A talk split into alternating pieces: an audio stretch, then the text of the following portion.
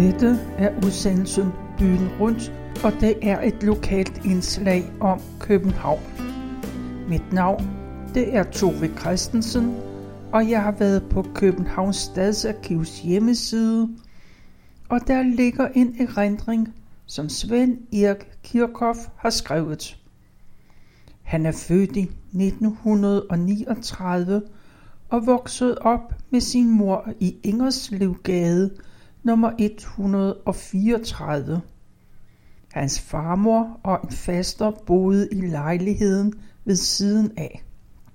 Hans far boede der ikke, men han kom lejlighedsvis på besøg i hjemmet. I august 1946 begyndte Svend Erik Kirchhoff i skolen på Enghaveplads. Og Svend Erik Kirchhoff, han skriver, Vores klasselærer, det var viceinspektør Nørlyng. Vi var 34 i klassen, så der var trængsel i klasselokalet. Og pigerne og drengene var skarpt adskilte. Der var en skolegård til pigerne og en skolegård til drengene. Der var to gårdvagter. Der var en lærer hos drengene og en lærerinde hos pigerne. Næsten i hvert frikvarter var der altid nogen, der var oppe og slås. Så måtte gårdvagten hen og skille dem ad. Jeg kan huske en gang, at jeg var oppe og slås, og så fik jeg øreflippen revet af og blev sendt hjem. Heldigvis så var jeg ret stor og kraftig af min alder, så jeg blev i som regel lavet i fred. At blive hånet og drillet og truet med tæsk var ret almindeligt, især i 4. og 5. klasse. En almindelig afstraffelse børnene imellem, det var, når man gik i korte bukser, så fik man bænkemad. Det vil sige, man blev holdt på bænken med to på hver side og en bagved, så klaskede to af dem løs på ens bare lår. Jeg blev selv fanget en gang, men de måtte opgive, for jeg blev helt hysterisk, råbte og skreg og vred mig, så de måtte stoppe. Efter en tid holdt jeg mig så meget som muligt for mig selv i frikvartererne. Det bedste, det var at være ordensduks, så måtte man blive i klassen i frikvartererne. Også selvom det betød, at man skulle rydde op, tørre tavlen ren, sørge for kridt og tavlekluden var våd. Samtidig var man udset til at gå ærner for skoleinspektøren, når han skulle give en besked til en af klasserne. Efter gymnastiktimen skulle gulvet vaskes. Det skete med en stor moppe og en spand vand. Som regel blev en af drengene, der var fritaget for gymnastik den dag, det var ham, der skulle gøre det, mens de andre var i bad og klædte sig om. Gymnastiktøjet og håndklædet, det var i en pose med ens navn på. En gang imellem måtte forældrene komme og overvære en skoletime. Jeg kan ikke huske hvor tit, men vi elever havde det. Så sad især mødrene på en lang række op ad væggen ud mod gangen med et lille smil på læberne. Hver morgen skulle klasserne i 1. til 5. klasse stille sig op klassevis i række 2 og 2. Gårdvagten dirigerede op mod trappetrinet. Når der var uro i geledet, for han ned og uddelte natterdrag til de urolige. Og så gik man klassevis op til klasserne, og de ældste klasser gik først. Kom man efter, at klokken havde ringet, og det ikke lykkedes en at snige sig ind i rækken, så skulle man stå en række op ad skolemuren. Og så blev man som den sidste sendt op i klassen, så lægeren kunne se, hvem der kom for sent, efter at man havde fået en på siden af hovedet. Der var en gratis madordning med fire halve til hver. Når maden blev delt ud, var der almindelig bytning eleverne imellem. Det var ikke altid lige lækkert, og det værste var, når der var sommersalat. Den var fed og sur. Man kunne også få ekstra mader. Det var med jordbærmarmelade, og de var meget eftertragtet. Men man fik dem kun, hvis man havde spist den uddelte mad. Det holdt lægeren øje med.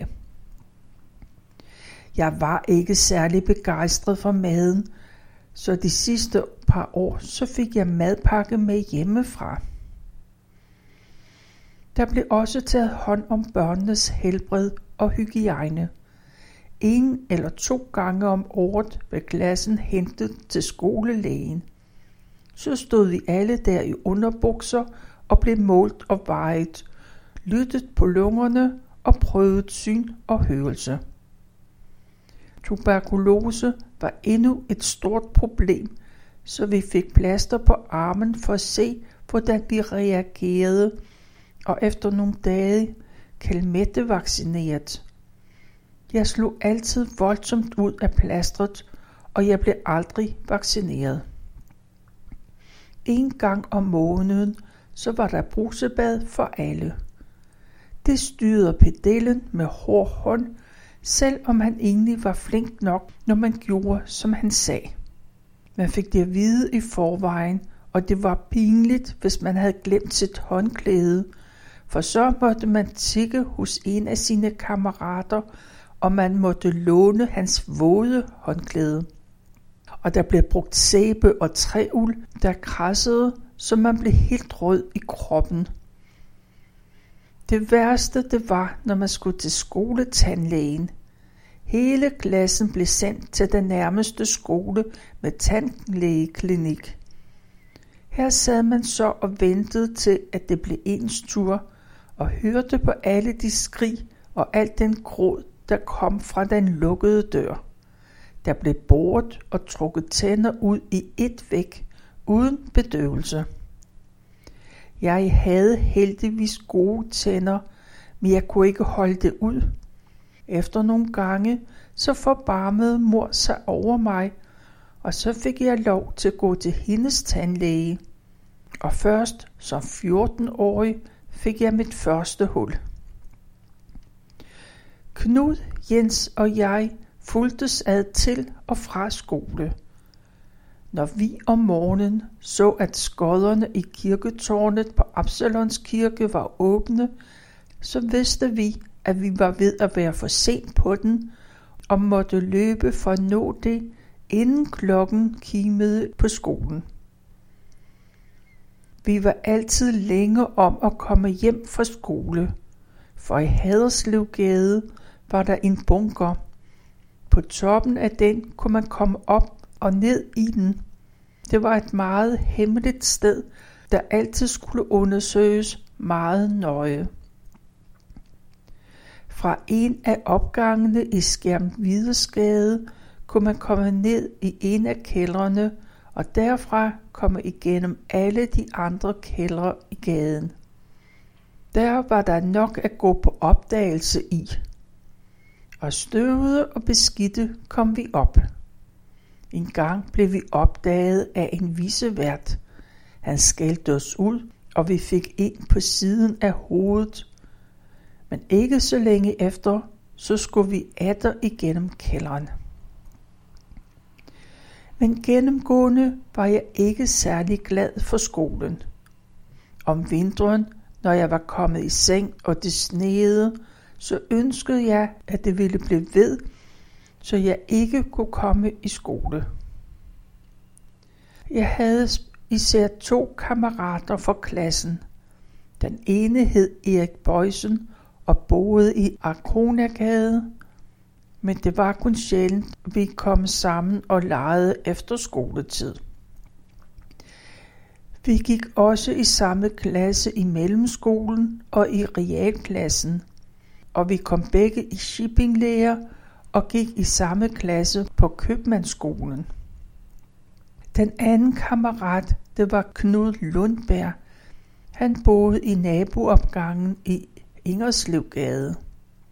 Aldersmæssigt var der ikke mange måneder forskel på os, og vi gik i samme klasse i underskolen. Mens han gik i fri mellem, så kom jeg i mellemskolen. Hans søster hed Kirsten, som var et par år ældre. Hun havde en dejlig sangstamme, men hendes arm var vissen og hang underlig. Faren var typograf og arbejdede i et lille trykkerifirma, og moren var hjemmegående. De var meget søde og rare. Men jeg tror, det sad hårdt i det, for møblerne så lurvede ud, og de havde det svært med at få rationeringsmærkerne til at slå til. Og så skete det, at jeg så min farmor stikke moren et mærke i ny og næ. I den forbindelse hørte vi børn ofte de voksne tale om rationeringssmerter, pengeombytning og sortbørshandel, men det forstod vi børn ikke ret meget af. Knud led af astma og var tit syg. En gang om året blev han af sygekassen sendt til Norge på et sanatorium et par uger. Det hjalp som regel et par måneder, men så var den gal igen. Vi havde stor morskab af, at han havde samme navn som en af datidens kendte fodboldspillere. Han spillede for AB og var i flere år på landsholdet, og senere blev han en kendt læge og forfatter, især med hensyn til kost og motion. En anden af vores fodboldidoler, det var målmanden Ejgil Nielsen, som var verdensberømt i Danmark. Underligt nok var Knud en selvbestaltet anfører for os drenge. Vores verden omfattede Ingerslevgade, Søndre Boulevard, Absalonsgade, Skærm Skærmvidesgade og Enghaveplads ved skolen. Vores ejendom, den omfattede Ingerslevgade nummer 132 og 134, samt det sidste nummer i Skærmvidesgade, der, dem der støtte op til Ingerslevgade.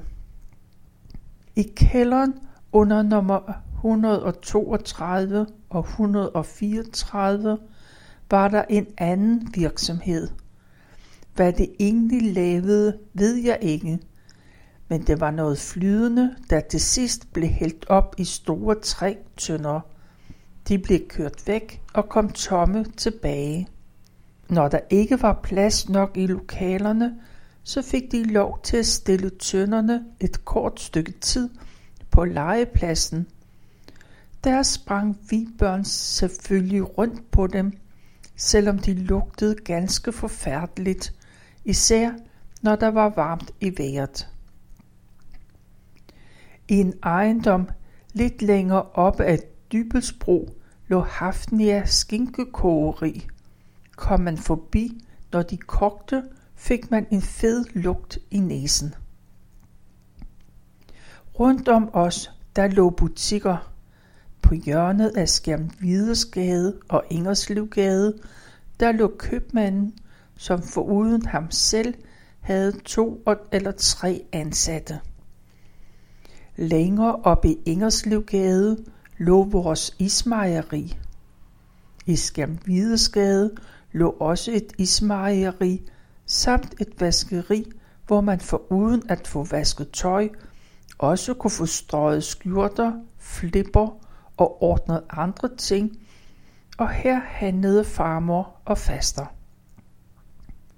I gaden overfor i en kælder var skomaren, og på Søndre Boulevard på samme side som kirken var der en boghandel, en grønthandel, en bager og en herrefrisør. På den anden side af kirken lå der også en bager. Den var den bedste af de to bagerforretninger. Lige før bageren var cykelforretningen. Sylander hed han og var vældig flink. I en kælder var der en kludeforretning med mere. Her kunne man aflevere tomme flasker og få fem eller ti øre for dem. Alt afhængig af, hvilken slags flasker det var. De bedste, det var flasker med pantprop. Dem fik man 25 øre for. Så det var en sport for os børn at finde flasker og omsætte dem til slik. Man kunne også være heldig at bære varer op for en ældre dame eller en, der var gangbesværet, så fik vi som regel en 25 øre hver. Hvis det var en mand, så skulle han helst være gammel, og så skulle vi gerne være to, for vi var blevet indprintet, at der fandtes børnelokkere. Sidst i 20'erne begyndte nye ting at komme frem. Knallerten var noget af det første. Her blev der monteret en motor på en cykel. Det skete hos cykelsmeden. Men hvor de dog larmede og røg fra motoren. Men efterhånden blev det bedre, og Velo Solex blev en af de første rigtige knallerter. Mange tidligere kælderbutikker blev indrettet med maskiner, der lavede plastikting. Der hang en sødlig lugt omkring forretningerne, så det kunne ikke have været sundt at arbejde sådan et sted. Så kom tipningen. Det blev den helt store dille, og alle, ung som gammel, spillede og fulgte nøje med, når fodboldkampene blev afviklet. Der var 12 rækker, og hver række kostede 25 øre. Og så kom de første bananer. Jeg kunne ikke lide dem, så var det bedre at få en appelsin. Men de var ofte sure, og man kunne være heldig at få et stykke sukker til at putte i appelsinen. Der var OL i London i 1948. En dag vi børn var nede og lege, så hang Knuds far ud af vinduet og råbte til os, at vi havde fået en medalje. Blandt andet John Hansen, der scorede fire mål med hovedet og blev den første dansker, der blev solgt til Italien. Lørdag aften skulle vi høre det populære radioprogram Weekendhytten med Svend Pedersen og Otto Leisner, og om søndagen så hørte vi Giro 413. Dengang blev der spillet meget af den lettere klassisk musik. Samtidig blev de første prøver på tv vist på en udstilling. Omkring 1950 kom den frygtelige sygdom børnelammelse, som ramte mange hundrede børn, unge og gamle. Det vagte stor opmærksomhed både her og i udlandet, da ryttersken Lis Hartel, der havde været ramt af polio og gennem meget træning nåede sølv ved olympiaderne både i 1952 og i 56. Reklamerne holdt deres indtog. Blandt andet blev mange husgavle dekoreret med reklamer for mælk og de første højhuse på Bellehøj blev bygget. Men de var meget dyre, og så fik de øgenavnet havregrødshusene. Meget af alt dette skete imellem 1948 og 52. I vores opgang boede Nina Friberg og hendes ældre bror, som vi ikke legede meget med. På tredje sal boede Jørgen med sin mor, fru Jensen, der var alene og syede bukser ude på Holmen. Han var to-tre år ældre end os andre, men meget flink. Han havde et dukketeater, og jeg og de andre børn kom af og til op og så teater. Mange af tingene lavede han selv. Han havde også et mekano-sæt. Der lavede han mange spændende ting, for eksempel kraner. På tredje sal boede nogle rigtig gode venner, Jytte og Jens Madsen. I de første år i skolen fuldtes vi altid ad. Jens var cirka et år yngre end jeg. Da han var omkring 10 år, blev han syg. Han havde fået en svulst i hjernen, som lægerne forsøgte at fjerne, men forgæves. Det var et stort savn, da han døde nogle måneder efter en operation. I nummer 32 boede der foruden Knud en pige, der hed Vita. Hun var lidt mærkelig pige, der sjældent legede med os andre. I Skærmvidersgade boede Henning, der var et år ældre. Han boede i stuen. Han var god til fodbold. Hans mor var en rigtig rappen skralde, der råbte og skreg af alle, når der var noget, hun ikke brød sig om. Hun var en lille bestand dame, og jeg husker hende altid i en blå kittel og hårnet. Her blev ingen af os børn inviteret ind og lege. Hans far så vi kun et glimt af nu og da. Han var næsten helt usynlig. I opgangen ved siden af, der boede Torben og Jørgen. Torben var egentlig lidt for lille til os andre børn, men han var en flink fyr, og han fik næsten altid lov til at være med os ældre drenge. Hans bror Jørgen var på alder med Henning. De to kunne ikke enes og var tit oppe og slås. Det kunne gå helt til, men som regel så kom Hennings mor farne og hæv ham op i lejligheden, hvor han som regel fik stuearrest i nogle dage. Jørgen var en utrolig hissig, og det var sjældent, han var med, når vi legede. Og der var typiske drenge og pigeleje. For pigernes vedkommende, så var der shippe og lege med dukker, for ikke at tale om at bytte glansbilleder. For drengene var det at spille fodbold, lege røver og soldater eller indianer og cowboy. Men ikke så sjældent legede pigerne og drengene sammen, så udviskede skældene. Drengene kunne godt hænke sammen med pigerne, og pigerne kunne være med til at lege røver og soldater. Til næsten al slags boldspil var vi fælles. Der var rundbold, langbold og halli hallo. Kuglespil var også meget populært. Og sidst i 40'erne, så kom hønse- og dueringene, og det blev den helt store dille.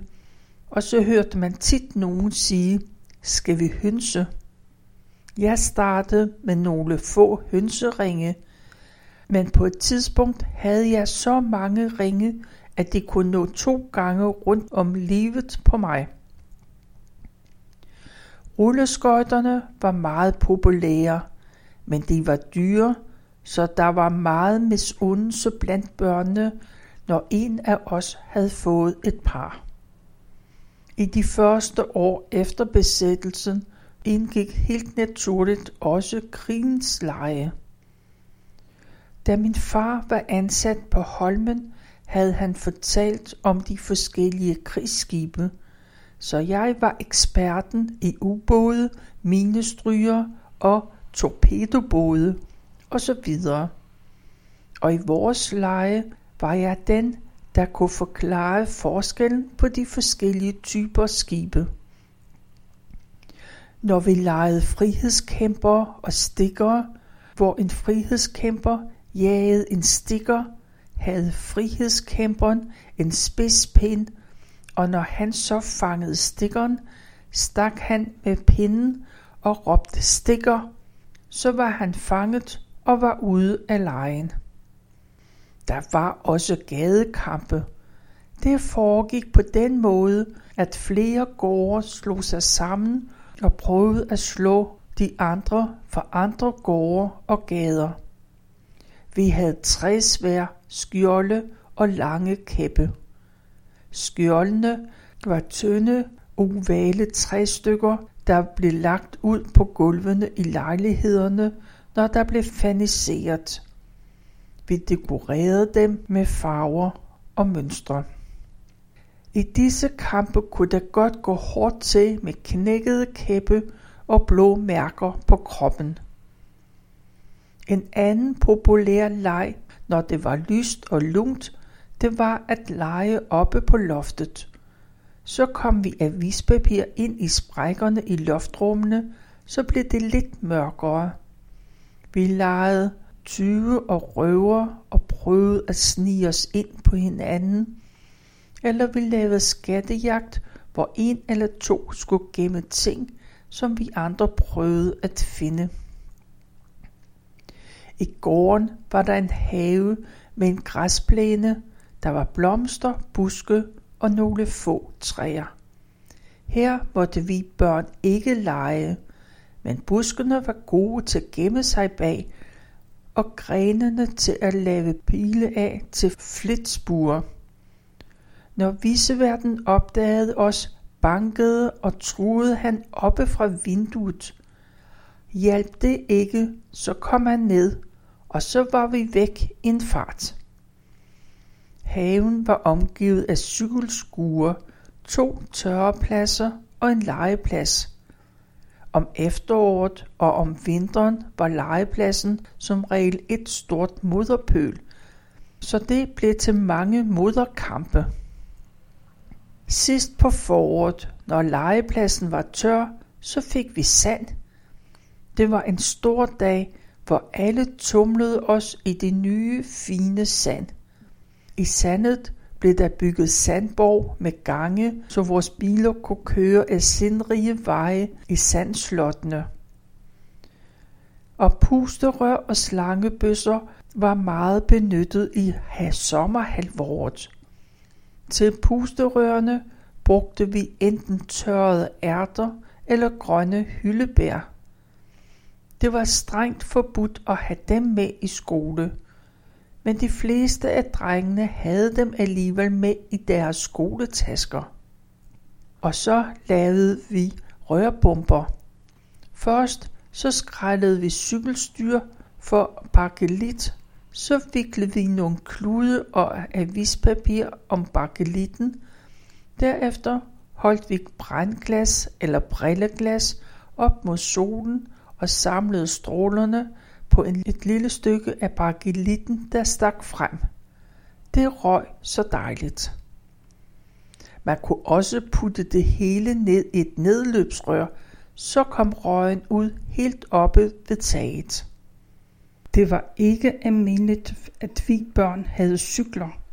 Når en af os fik en cykel, stod vi og beundrede dyrt, og kun ganske få udvalgte fik lov til at prøve den. Jeg var cirka 11 år, da jeg fik min første cykel. Det var en brugt herrecykel, hvor sadlen var sat ned på stangen. Far lærte mig at cykle. Han var ved at fortvivle, for jeg kunne ikke stå på ved at svinge benet over. Ved et tilfælde kom jeg over på den anden side af cyklen, så kunne jeg godt. Jeg var på visse punkter kajtet. Jeg elskede at cykle. I de lyse aftener efter aftensmaden cyklede jeg ofte alene rundt i havnen og drømte mig langt væk, når jeg så de mange skibe fra mange forskellige lande, der lå og lossede og lastede. Og det her, det var så langt, som jeg nåede af Svend Erik Kirchhoffs erindringer. Du kan læse om hele hans lange beretning på hjemmesiden kbharkiv.dk.